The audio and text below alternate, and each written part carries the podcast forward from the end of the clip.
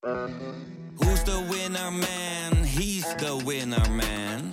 Is hij miljonair? Geen idee, maar nou en. Je hebt geen jackpot nodig to be a winner man. Oh oké, dat is wel lekker man. Wil jij genieten van de beste VI Pro artikelen, video's en podcasts? En wil jij nog meer inzichten krijgen rond al het voetbalnieuws? Word dan nu lid van VI Pro. Voor exclusieve podcasts, tactische analyses, interviews met spelers en financiële inzichten. Ga nu naar vi.nl slash zsmpro voor de scherpste aanbieding. Welkom bij een nieuwe aflevering van VI ZSM, waarin we het laatste voetbalnieuws gaan bespreken. Dat doe ik met Lentin Godek. Mijn naam is Kalon van Uitwezen. En uh, ja, laten we beginnen bij John van Schip, want jij bent daar gisteren geweest. Hij werd gepresenteerd als nieuwe interim trainer bij Ajax. Uh, ja, wat voor indruk maakte hij op jou? Uh, rustig, ja? enthousiast. Toch ook wel zin om te beginnen. Terug op het oude nest na 15 jaar. Het Amsterdamse accent zit er nog goed in, dus uh, dat hoeft hij niet meer op te starten. Maar uh, nou, hij heeft natuurlijk wel, dat weten we allemaal, inmiddels wel een heftige periode achter de rug. Veel uh, gebeurd in zijn privéleven, zijn vrouw kwijtgeraakt. Maar wel in een situatie gezeten waarin zij de laatste maanden van haar leven ook met hem wat vooruit kon kijken. hoe gaan we het doen als ik er niet meer ben? Um, hoe, hoe gaat je carrière er dan uitzien? Blijf je dan thuis zitten of ga je juist weer een stapje ergens in? Nou, en, en, haar advies aan John van Schip was eigenlijk van... Uh, nou, dit is jouw club, uh, stap erin, ga wat doen. Want thuis zitten, daar word je niet gelukkig van. En dat advies heeft hij opgevolgd. En eerst zou hij een rol in technisch management krijgen. En nu is hij toch hoofdtrainer geworden van Ajax. En nou ja, het is nog wel een klus waar hij aan begint. Hè? er zijn wel eens betere instapmomenten geweest. Of in elk geval makkelijkere. Maar uh, nou ja, hij, hij zegt er klaar voor te zijn. Uh, hij heeft zin om uh, zijn mouw op te stropen en hier aan te beginnen. Hij noemt het een mooie uitdaging. En hij heeft veel gesprekken gevoerd met Jan van Halst, Louis van Gaal, die zijn steun heeft uitgesproken. En nou ja, dan denkt hij dat dit het moment is om, om te beginnen. Ja, was ook wel mooi wat betreft zijn, zijn vrouw. Dat, dat ze ook de liefde hadden gevonden bij Ajax. Dus dat het daar dan maar extra cirkel op maakt. Het was best een mooi interview wat ik had gezien. Ja, um, ja verder, ja, uh, wat gaat hij doen bij Ajax? Wat zijn de eerste dingen waar hij mee bezig gaat? Ja, uh, het is ja wat moet je beginnen natuurlijk, ja. maar het is... Nou, dat vroegen we natuurlijk ook. En uh, nou, kijk, hij moet nog beginnen met trainen en zo, dus het is nu nog wat lastig vooraf. Maar wat hij zei, en heeft hij wel gelijk, en er moet eerst duidelijkheid komen.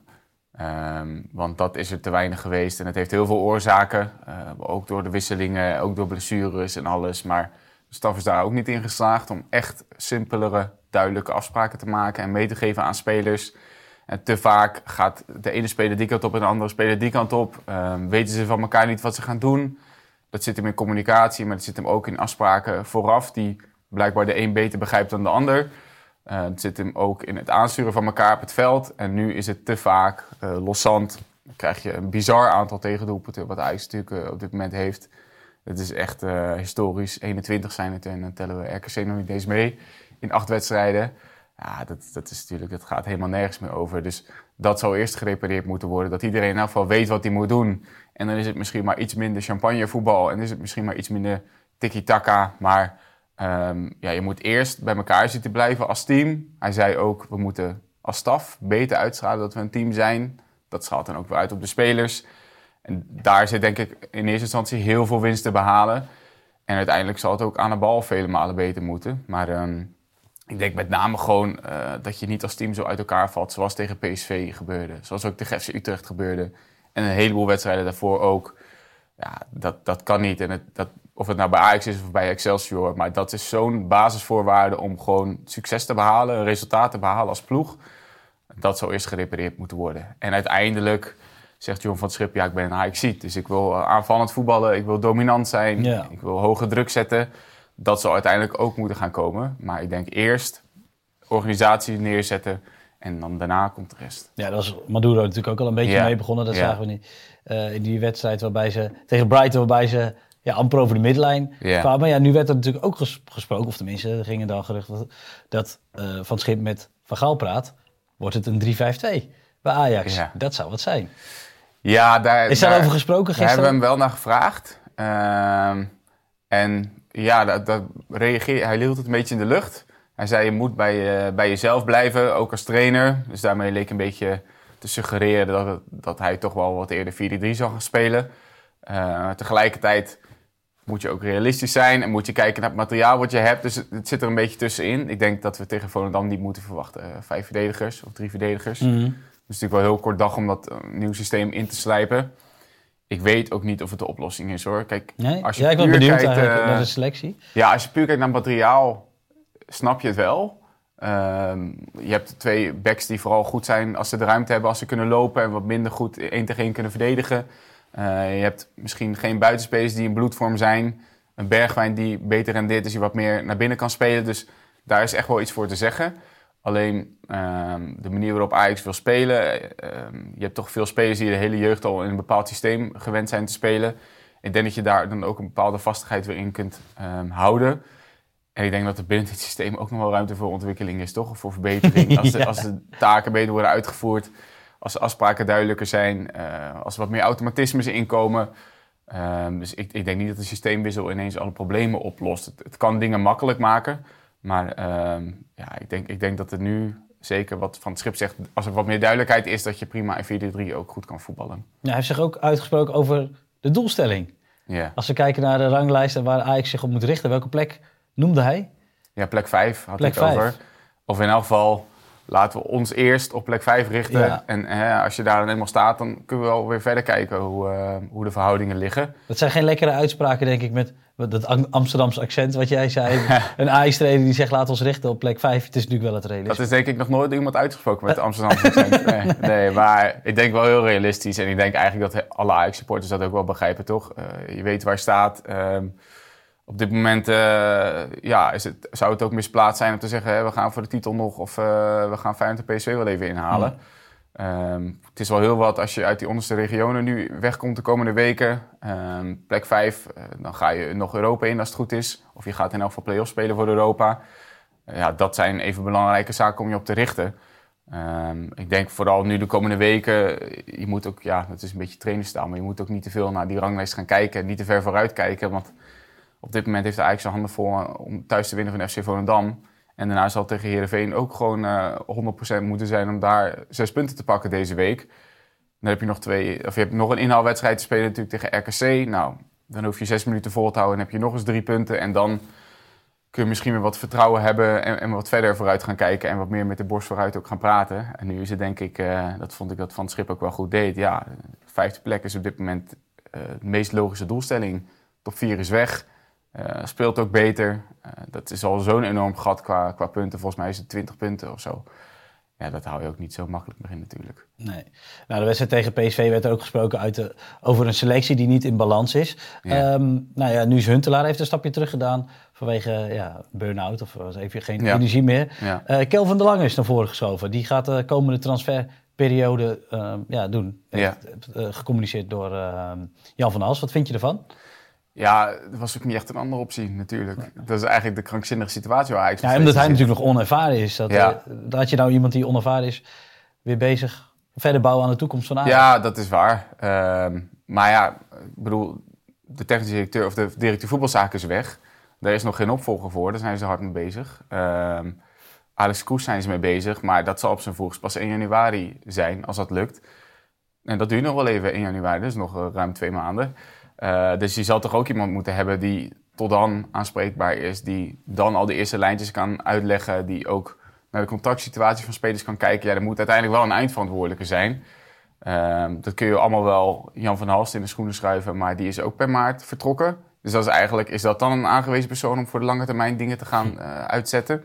Dat is ook niet zo logisch. Dus het was eigenlijk de enige optie om Kelvin de Lange dat te laten doen. Eh, hij is wel iemand met ja, goed oog voor het technische gebied. Hij is scout geweest bij City, nu hoofdscout bij Ajax. Hij is ook wel ehm, ja, betrokken geweest, of in elk geval een poging gedaan om betrokken te raken bij het aantrekken van spelers.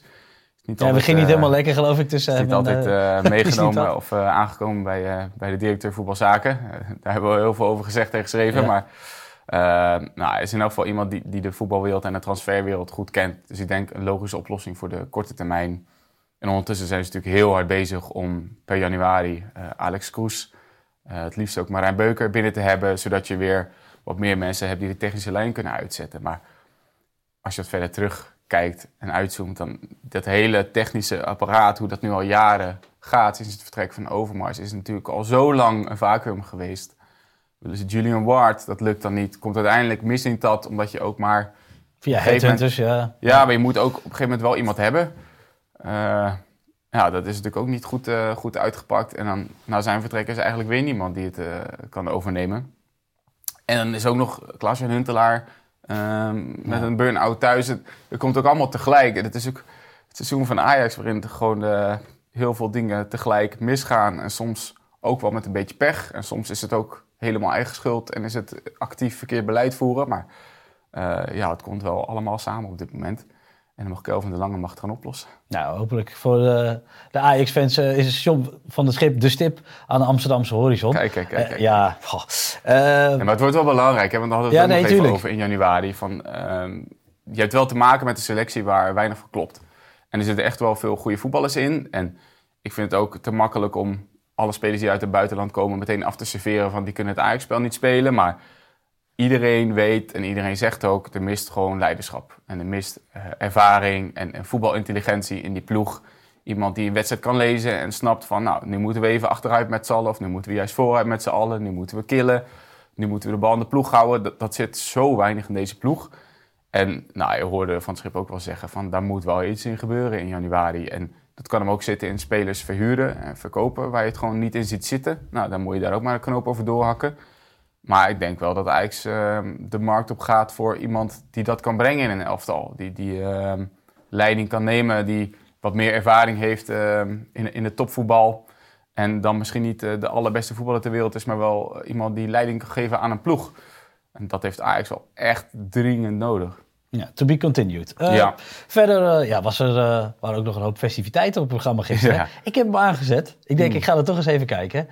We hebben het over de Ballon d'Or, de uitreiking van een Ballon d'Or. Was, dat, dat is eigenlijk nooit een verrassing wie hem dan gaat winnen. Want Nee, maar nu was het wel heel weinig een verrassing, ja, toch? ja, Fabrizio Romano die had het al verteld. Die, die- Een maand geleden of zo? ja, die zet het, Ja. het feestje te verpesten. Wat, nou ja, het is in ieder geval Lionel Messi geworden. Terecht, volgens jou? Voor, ja.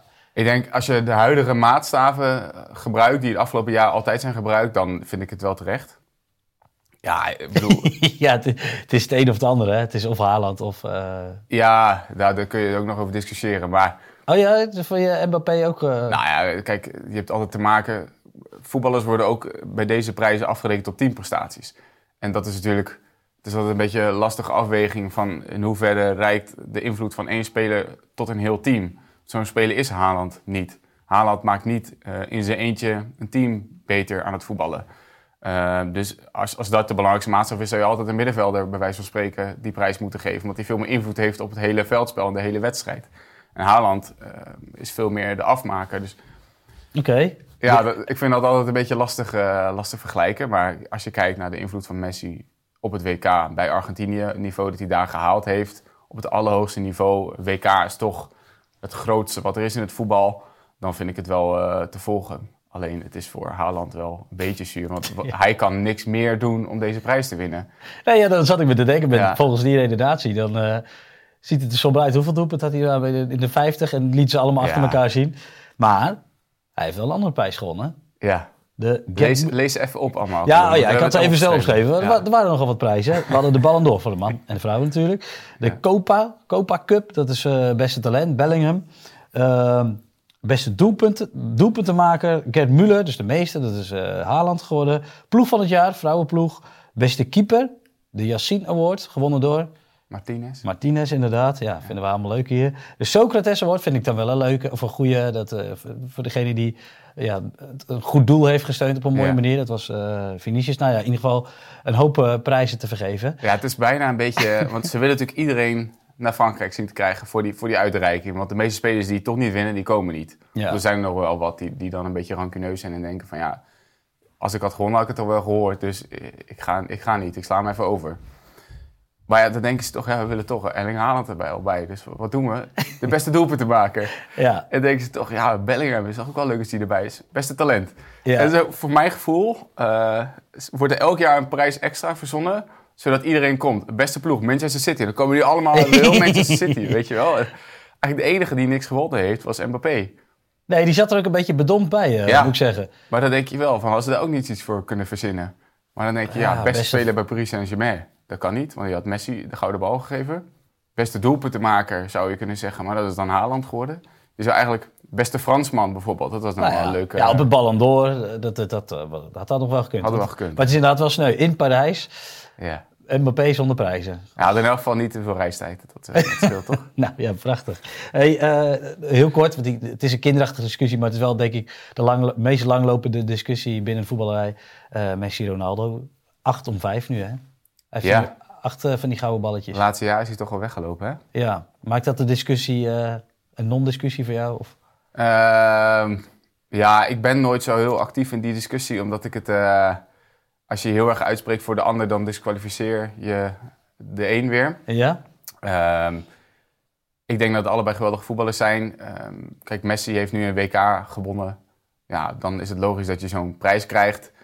Ehm, Ronaldo is nu twee jaar ouder, dus ik vind het ook niet helemaal eerlijk om ze op dit moment met elkaar te vergelijken. Want twee jaar geleden eh, was Ronaldo ook nog veel succesvoller dan nu. Speelde hij op een hoger niveau. Eh, toen heeft hij op een gegeven moment de stap gemaakt naar een laag niveau, waar hij trouwens ook nog verschrikkelijk veel scoort en ehm, goed presteert. Bij Portugal laat hij zich nog steeds zien. Alleen ja, als je op een gegeven moment 38 bent, dan hoef je ook niet meer te verwachten dat je de hele wereld overhoop speelt. Eh, ik denk uiteindelijk puur naar techniek en invloed op een wedstrijd dat Messi eh, zijn invloed groter is geweest.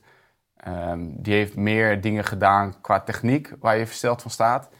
Ronaldo zit misschien meer in de, in de doelpunten op de grote momenten. Het karakter wat hij heeft. eh, ook wel wat meer leiderschap vind ik op het veld. Voortrekkersrol. En natuurlijk Mr. Champions League. Wel op dat allerhoogste niveau altijd geleverd op een level dat Messi bijvoorbeeld nooit heeft kunnen evenaren. Dus daarin is hij eh, de grotere geweest, denk ik. Nou ja, goed. Er genoeg eh, gepolariseerd in de wereld, dus dan eh, doen wij, Ja, dat doen wij gewoon niet toch? aan mee. En eh er hoeft ook niet gepolariseerd te worden als het gaat om het eh, WK van eh 2034 tot slot, wat we nog eventjes over hebben. Want dat, de, de, de biedingen moeten vandaag binnen zijn, Ja. anders doe je niet meer mee. Spannende dag, hè? En een hele spannende dag, want eh, Australië heeft zich teruggetrokken. En wat blijkt, is nog maar één, ehm, ja, er is nog maar één land over, Saudi-Arabië. Ja. Ja, surprise, surprise. Ja, dat weet ik. Ja, maar je zou toch denken, er zullen toch wel meer eh, landen of gegadigden zijn voor zo'n Ja, WK. Maar Volgens mij heeft het ook wel mee te maken dat het een beetje zo gaat als bij de Ballon d'Or. Dat inmiddels iedereen wel weet welke kant op gaat. dat iedereen dan denkt, ik, ik geef het op. Of zo. Nou ja, volgens mij is zo'n WK-bid kost ook nog wel wat geld om dat eh, te promoten en eh, hele commercie eromheen. Het is nogal wat, er worden een hoop mensen voor ingezet om daar serieus in mee te doen. En als het al zo duidelijk is dat het toch niet jouw kant op gaat vallen, Ja, maar het is toch ook heel sneu? ja, dat is heel sneu en het is ook wel kwalijk hoor. En eh, er is natuurlijk heel veel gezegd over de toewijzingen aan Qatar en eh, daarvoor ook aan Rusland. Alle corruptie daaromheen. En nou ja, het is wel opmerkelijk hoe het de afgelopen jaren al een beetje richting Saudi-Arabië is toegeschoven. En als inderdaad alle andere kandidaten al niet eens meer de strijd aangaan, ja, dan krijg je toch wel de indruk dat het, eh, dat het heel erg die kant op moet gaan vallen. Maar ja, er wordt natuurlijk ook iedereen voor ingezet, al die spelers die daar eh, zitten. De afgelopen Ja. maanden heb je ze allemaal zo'n statement op social media zien, eh, zien schrijven, weet je wel. Dat je denkt, nou, dat heb je ook niet zelf verzonnen. Oh ja, wat, eh, dat heb ik gemist. Ja, Jordan Henderson, Lionel Messi, gewoon, of nou, Messi dan niet, maar ehm, alle grote namen die daar spelen nu in eh Saudi-Arabië, die komen dan met zo'n statement van, eh, ja, ik, ik steun dit eh, bid en het voetbal Oh, is hier waar? prachtig. Oh, dat heb ik gemist. Nou ja, Ja, ik, ja, daar kun je allemaal wel wat van vinden, maar nou goed, het is toch al bepaald, het is Nou ja. 34. ja we hebben nog even wie dan leeft, wie dan zorgt. Ja, ja, ja, precies, maar het- we gaan wel steeds verder vooruit met die eh, toewijzingen, Ja, jij zei ook al, we kunnen net zo goed eh, 2038 2038 dan gaat Elon Musk eh, het WK in Mars organiseren. Wie weet. wordt steeds extremer. nou, we gaan het zien inderdaad. Eh, bedankt Eh, dit was eh, de ZSM. En eh, voor jullie bedankt voor het kijken en voor het luisteren. En tot de volgende.